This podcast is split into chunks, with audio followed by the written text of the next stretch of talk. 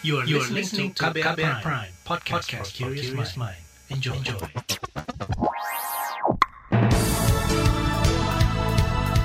Selamat pagi saudara, senang sekali kami bisa menjumpai Anda kembali melalui program Buletin Pagi edisi Rabu 27 Mei 2021. Bersama saya Agus Lukman, sejumlah informasi pilihan telah kami siapkan di antaranya Komisi Pemberantasan Korupsi KPK memecat 51 pegawainya yang tidak lolos tes wawasan kebangsaan. Tim Kementerian Koordinator Politik Hukum Keamanan memastikan akan ada revisi Undang-Undang ITE. Ribuan warga di Kabupaten Bandung, Jawa Barat mengungsi akibat banjir. Inilah Buletin Pagi selengkapnya. Terbaru di Buletin Pagi. Komisi Pemberantasan Korupsi KPK memberhentikan 51 pegawai KPK yang tidak lolos tes wawasan kebangsaan. Keputusan itu diambil dalam rapat koordinasi KPK dengan Kementerian Pendayagunaan Aparatur Negara, Badan Kepegawaian Negara, Kementerian Hukum, dan lembaga lain pada Selasa kemarin. Rapat itu membahas nasib 75 pegawai KPK yang tidak lolos tes wawasan kebangsaan. Wakil Ketua KPK Alexander Marwata mengatakan dari 75 pegawai itu, 51 dinyatakan tidak bisa diangkat menjadi aparatur sipil negara dan diberhentikan. Sedangkan 24 pegawai lainnya bisa mengikuti tahapan berikutnya untuk pembinaan. Dari hasil pemetaan dari asesor dan kemudian kita sepakati bersama dari 75 itu dihasilkan bahwa ada 24 pegawai dari 75 tadi yang masih dimungkinkan untuk dilakukan pembinaan sebelum diangkat menjadi ASN. Sedangkan yang 51 orang, ini kembali lagi dari asesor, itu sudah warnanya dia bilang sudah merah dan ya tidak memungkinkan untuk dilakukan pembinaan. Wakil Ketua KPK Alexander Marwata mengatakan 51 pegawai yang diberhentikan itu masih bisa bekerja di KPK hingga 1 November mendatang.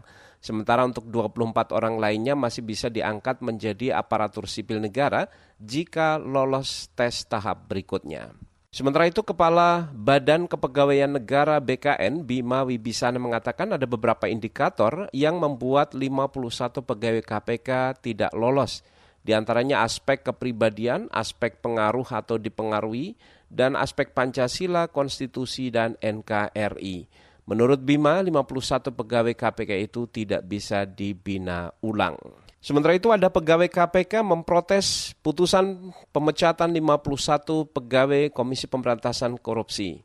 Ketua Wadah Pegawai KPK Yudi Purnomo mengatakan pimpinan KPK dan Badan Kepegawaian Negara tidak mematuhi instruksi Presiden yang memerintahkan alih status aparatur sipil negara supaya tidak merugikan pegawai KPK. Padahal secara nyata Presiden sudah mengungkapkan bahwa tes tidak dapat dijadikan satu-satunya dasar untuk memberhentikan seseorang. Sikap pimpinan KPK dan Kepala BKN adalah bentuk konkret dari sikap tidak setia terhadap pemerintahan yang sah. Maka dari itu kami menganggap perlu adanya supervisi dari Bapak Presiden untuk menindaklanjuti perkara alih status pegawai KPK ini. Ketua Wadah Pegawai KPK Yudi Purnomo juga menyebut pimpinan KPK dan Badan Kepegawaian Negara telah melakukan perbuatan melanggar hukum karena tidak mengindahkan jaminan konstitusional warga negara. Apalagi putusan Mahkamah Konstitusi dalam uji materi Undang-Undang KPK menegaskan proses transisi pegawai KPK menjadi ASN tidak boleh merugikan pegawai KPK. Sementara itu, Saudara Kuasa Hukum 75 pegawai KPK Aswinawati mengatakan alasan pemecatan terhadap 51 pegawai KPK sangat tidak jelas dan terkesan mengada-ada. Apalagi undang-undang ASN yang dijadikan sebagai landasan pemecatan tidak tepat. Sebetulnya tidak jelas ya dasar mereka memecat 19 dan kemudian pernyataannya kan mengikuti undang-undang ASN gitu. Undang-undang ASN itu kan mengatur yang mau masuk ke dalam ASN. Nah ini bagaimana dengan 70 orang ini? Saya itu ada yang dulunya di Polri gitu ya. Emang di Polri tidak ikut seleksi wawasan kebangsaan dalam arti menaati undang-undang dasar dan Pancasila kan nggak mungkin. Jadi ini betul-betul mengada-ngada ya. Kuasa hukum 75 pegawai KPK Asfinawati berharap Presiden Joko Widodo turun langsung untuk menindaklanjuti keputusan pimpinan KPK memecat para pegawainya. Asfinatmawati mengatakan tim kuasa hukum akan meminta lembaga Ombudsman RI dan Komisi Nasional Hak Asasi Manusia untuk membuat rekomendasi atas kasus tersebut. Sebelumnya, saudara 75 pegawai KPK yang tidak lolos wawasan kebangsaan telah mengadu ke Komisi Nasional Hak Asasi Manusia Komnas HAM mengenai dugaan pelanggaran hak asasi manusia dalam proses alih status pegawai KPK menjadi aparatur sipil negara. Anggota Komnas HAM Muhammad Khairul Anam mengatakan lembaganya akan segera menindaklanjuti pengaduan itu dengan membentuk tim khusus untuk menyelidiki dugaan pelanggaran HAM. Jauh lebih komprehensif yang kami terima daripada kami sekedar membaca berita. Jadi memang kami dijelaskan bagaimana proses, substansi, bahkan postur kira-kira kenapa itu jadi. Dan kami ucapkan terima kasih ke teman-teman semuanya, termasuk ke uh, kuasa hukumnya. Itu yang pertama. Yang kedua, karena kami mendapatkan berbagai informasi itu termasuk tadi kami juga diberikan sekepok dokumen yang menurut kami itu lumayan banyak informasinya baik fakta-fakta catatan atas fakta-fakta dan beberapa instrumen hukum yang melandasinya. Desakan pembatalan keputusan pemberhentian atau pemecatan 51 pegawai KPK turut disuarakan oleh Direktur Eksekutif Amnesty International Indonesia Usman Hamid. Usman mengatakan pemecatan itu merupakan pelanggaran hak kebebasan berpikir, beragama, dan berkeyakinan. Usman menganggap ada banyak pertanyaan dalam tes wawasan kebangsaan yang memuat persoalan kepercayaan, agama, hingga pandangan politik pribadi yang tidak ada hubungannya dengan wawasan kebangsaan pegawai KPK. Saudara, Kemenko Polhukam memastikan akan ada revisi Undang-Undang Informasi dan Transaksi Elektronik. Informasi selengkapnya akan kami hadirkan usai jeda berikut tetaplah di Buletin Pagi KBR. You're listening to KBR Pride, podcast for curious mind. Enjoy!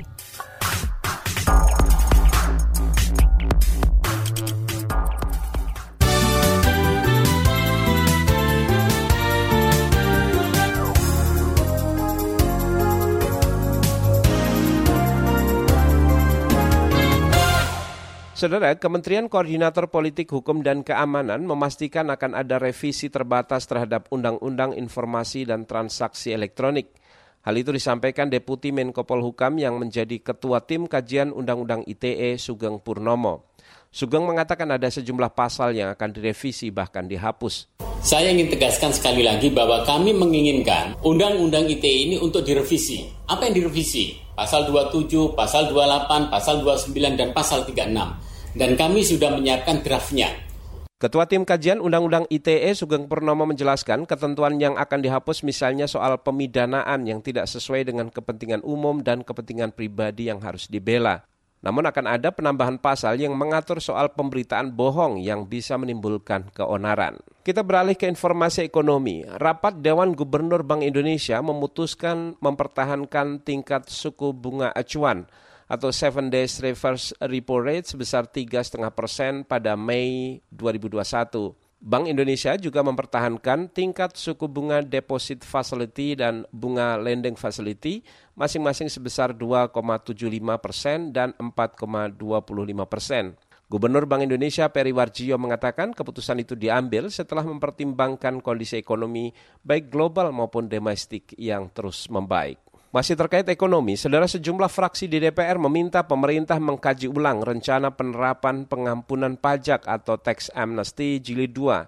Anggota DPR dari fraksi Partai Demokrat Irwan mengatakan fraksinya meminta pemerintah mengkaji lebih dalam dan mengukur risiko serta dampak pengampunan pajak terhadap perekonomian negara. Fraksi Partai Demokrat menilai ada potensi terjadinya penyimpangan moral jika kebijakan tax amnesty kembali dilakukan. Rencana pelaksanaan tax Amnesty Jilid 2, fraksi Partai Demokrat meminta pengkajian ulang yang lebih dalam untuk mengukur resiko dan dampaknya terhadap perekonomian. Selain itu, perlu juga dipertimbangkan adanya sistem punishment dan reward dalam pemungutan pajak. Sikap serupa juga disampaikan fraksi Partai Amanat Nasional di DPR. Anggota fraksi PAN di DPR, John Erizal mengingatkan tujuan utama pengampunan pajak adalah penegakan hukum, bukan menambah pendapatan negara. Sebelumnya, Saudara Menteri Koordinator Bidang Perekonomian Airlangga Hartarto menyebut pemerintah akan segera membahas aturan terbaru mengenai pengampunan pajak atau tax amnesty jilid 2. Pengampunan pajak jilid 1 diberlakukan pada 2016 lalu. Kita ke informasi lain, Badan Penyelenggara Jaminan Kesehatan BPJS Kesehatan mengklaim telah menerapkan keamanan data berlapis dalam melindungi data peserta pengguna. Klaim itu disampaikan Direktur Utama BPJS Kesehatan Ali Gufron Mukti menanggapi dugaan bocornya 200-an juta data kepesertaan BPJS Kesehatan di forum-forum dunia maya. BPJS Kesehatan juga telah melakukan kerjasama strategis dengan BSSN dan lembaga maupun para pihak profesional dan juga tentunya Kemenhan dalam mengembangkan dan mengimplementasikan sistem keamanan data yang uh, telah sesuai dengan standar ISO 27001 yang tersertifikasi. Direktur Utama BPJS Kesehatan Ali Gufron Mukti menyebut lembaganya juga telah menindaklanjuti dugaan kebocoran itu dengan berkoordinasi dengan Kementerian Komunikasi, Badan Siber dan Sandi Negara, Mabes Polri dan kementerian lain untuk memastikan kebenaran informasi serta mengambil langkah-langkah yang diperlukan. Sebelumnya diduga ada 270-an juta data penduduk Indonesia bocor dan dijual di sebuah forum pertas di dunia maya.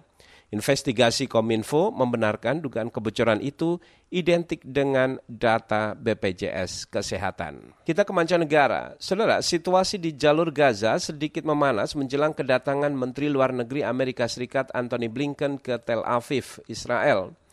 Kantor berita Palestina menyebut meski ada gencatan senjata, terjadi insiden penembakan oleh polisi Israel terhadap pria Palestina di kawasan Yerusalem. Sementara di tepi barat, Israel pada minggu lalu menangkap lebih dari 1.500-an orang atas tuduhan melakukan kekerasan saat aksi unjuk rasa. Sementara itu, para jurnalis yang bertugas di jalur Gaza mengalami kendala komunikasi setelah layanan WhatsApp mereka diblokir. Pemblokiran aplikasi milik Facebook itu terjadi beberapa jam setelah gencatan senjata antara Israel dan Palestina pada Jumat lalu. Mengutip Associated Press, pemblokiran WhatsApp dialami jurnalis yang mengikuti grup berbagi informasi terkait operasi militer Hamas. Kita ke informasi olahraga, saudara Badan Sepak Bola Eropa UEFA mengizinkan belasan ribu orang menghadiri pertandingan final Liga Champions Eropa di Portugal. Mengutip AFP, UEFA menyebut ada 16.000 lebih tiket bakal dijual bagi penonton yang ingin menyaksikan langsung final antara Chelsea melawan Manchester City di Stadion Dragon, Portugal pada Sabtu mendatang. Jumlah tiket yang dijual hanya sepertiga dari kapasitas stadion yang diizinkan oleh otoritas pemerintah Portugal. Namun penonton harus bisa membuktikan negatif dari paparan virus COVID-19. Final Liga Champions Eropa dialihkan ke Portugal setelah Istanbul, Turki dianggap tidak layak karena tingginya kasus COVID-19. Saudara laporan khas KBR mengenai keamanan vaksin AstraZeneca akan kami hadirkan sesaat lagi tetaplah di Buletin Pagi KBR. You're listening to KBR Pride, podcast for curious mind. Enjoy!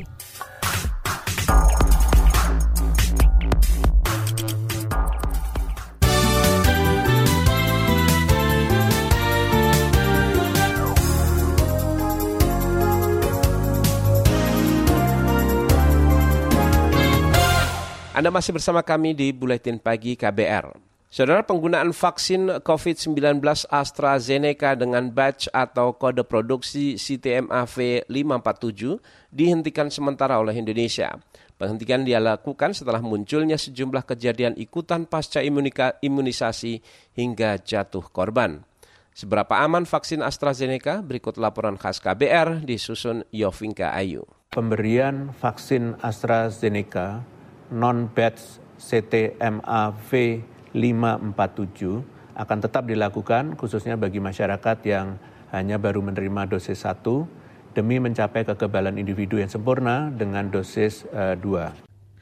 Juru bicara Satuan Tugas atau Satgas Penanganan COVID-19 Wiku Adhisa Smito mengatakan, selain batch CTMAV 547, vaksin AstraZeneca akan tetap diberikan kepada masyarakat.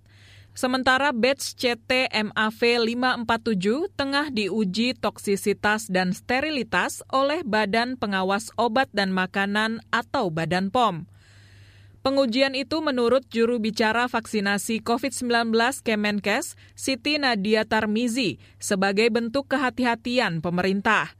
Kementerian Kesehatan pun meminta masyarakat tak ragu akan program vaksinasi COVID-19 termasuk penggunaan vaksin produksi AstraZeneca.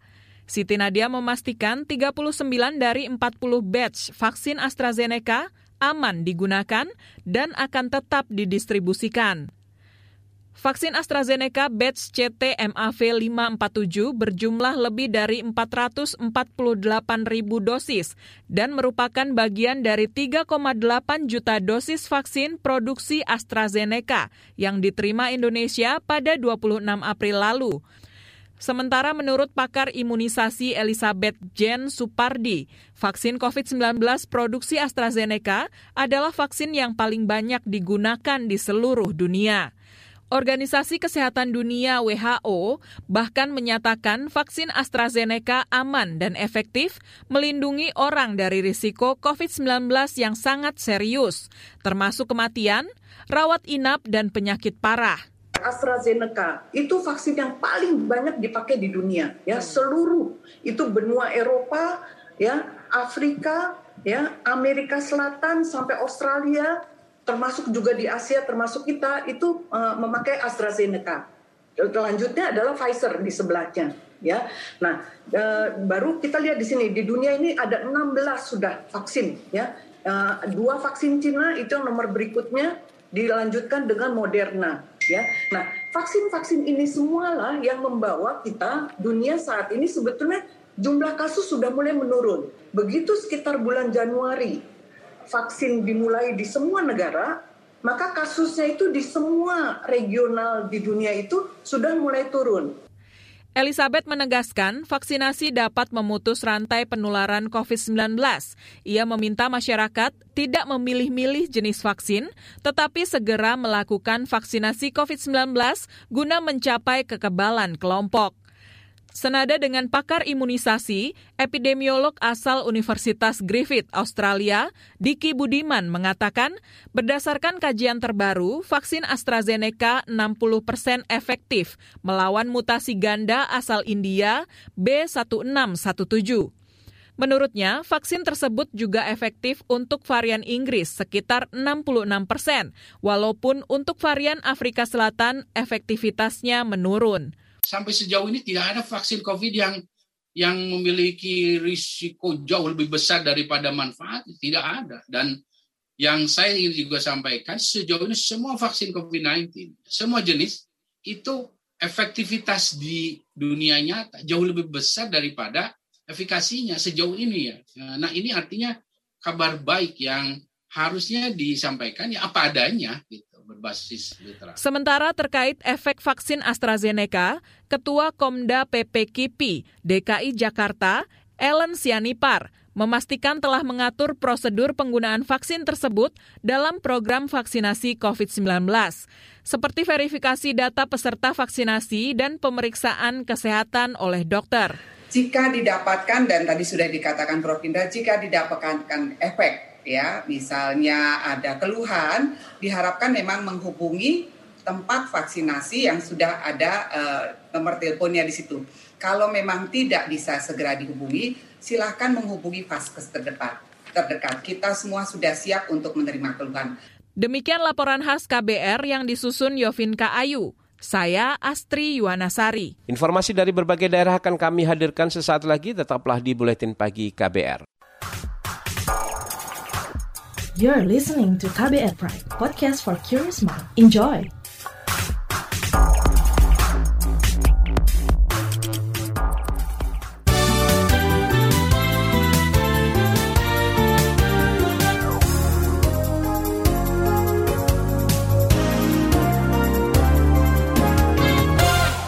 Inilah bagian akhir buletin pagi KBR. Kita ke Jawa Barat, saudara lebih dari 50 ribu warga di Kabupaten Bandung terdampak bencana banjir sejak awal pekan ini. Kepala Pelaksana Badan Penanggulangan Bencana Daerah BPBD Kabupaten Bandung, Ahmad Dohara mengatakan banjir merendam empat kecamatan. Banjir terjadi akibat hujan deras yang membuat sungai Citarum meluap. Posisi air masih ngisi saat ini. Hmm. Jadi bukan surut. Kalau hujannya sore mungkin sudah mulai surut. Tapi karena malam air masih ngisi.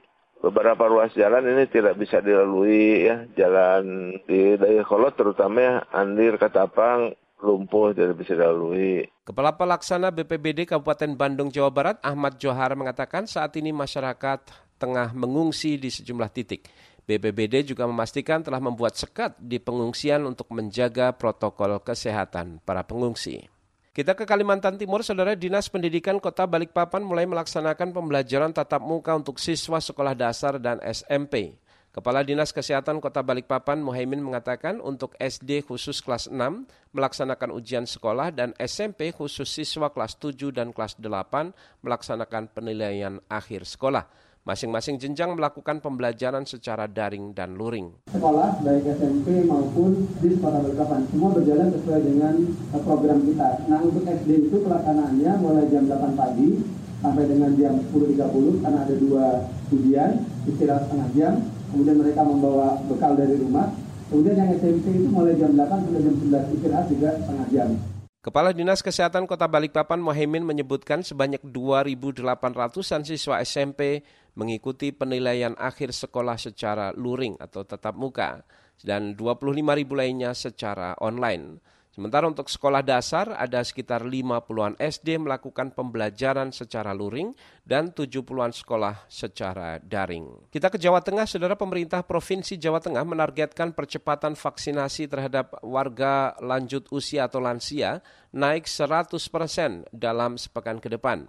Gubernur Jawa Tengah Ganjar Pranowo mengatakan percepatan vaksin dilakukan dengan cara mengubah pola vaksinasi dengan sasaran utama kepada para lansia. Eh, percepatan vaksin, saya minta polanya dibalik. Kalau dulu satu calon yang akan mendapatkan vaksin dua kali, maka vaksinnya di standby kan untuk dua kali. Maka disuntik pertama nunggu kira-kira 14 hari, 14 hari yang kedua ini standby. Nah sekarang enggak, saya, saya balik aja. Sekarang jumlah vaksinnya berapa, suntikin semua dulu. Maka biar cepat untuk tahap pertama. Tahap kedua, kita order lagi. Gubernur Jawa Tengah Ganjar Pranowo mengatakan adanya penggunaan pola baru dalam vaksinasi ini diharapkan bisa mempercepat para lansia mendapatkan perlindungan Apalagi lansia sangat rentan tertular COVID-19 dan memiliki tingkat fatality atau tingkat kefatalan lebih tinggi dibandingkan orang dewasa. Informasi tadi menutup jumpa kita di Buletin Pagi hari ini. Pantau juga informasi terbaru melalui kabar baru, situs kbr.id, Twitter kami di akun @beritaKBR, serta podcast di alamat kbrprime.id. Akhirnya saya Agus Lukman, kami undur diri. Salam.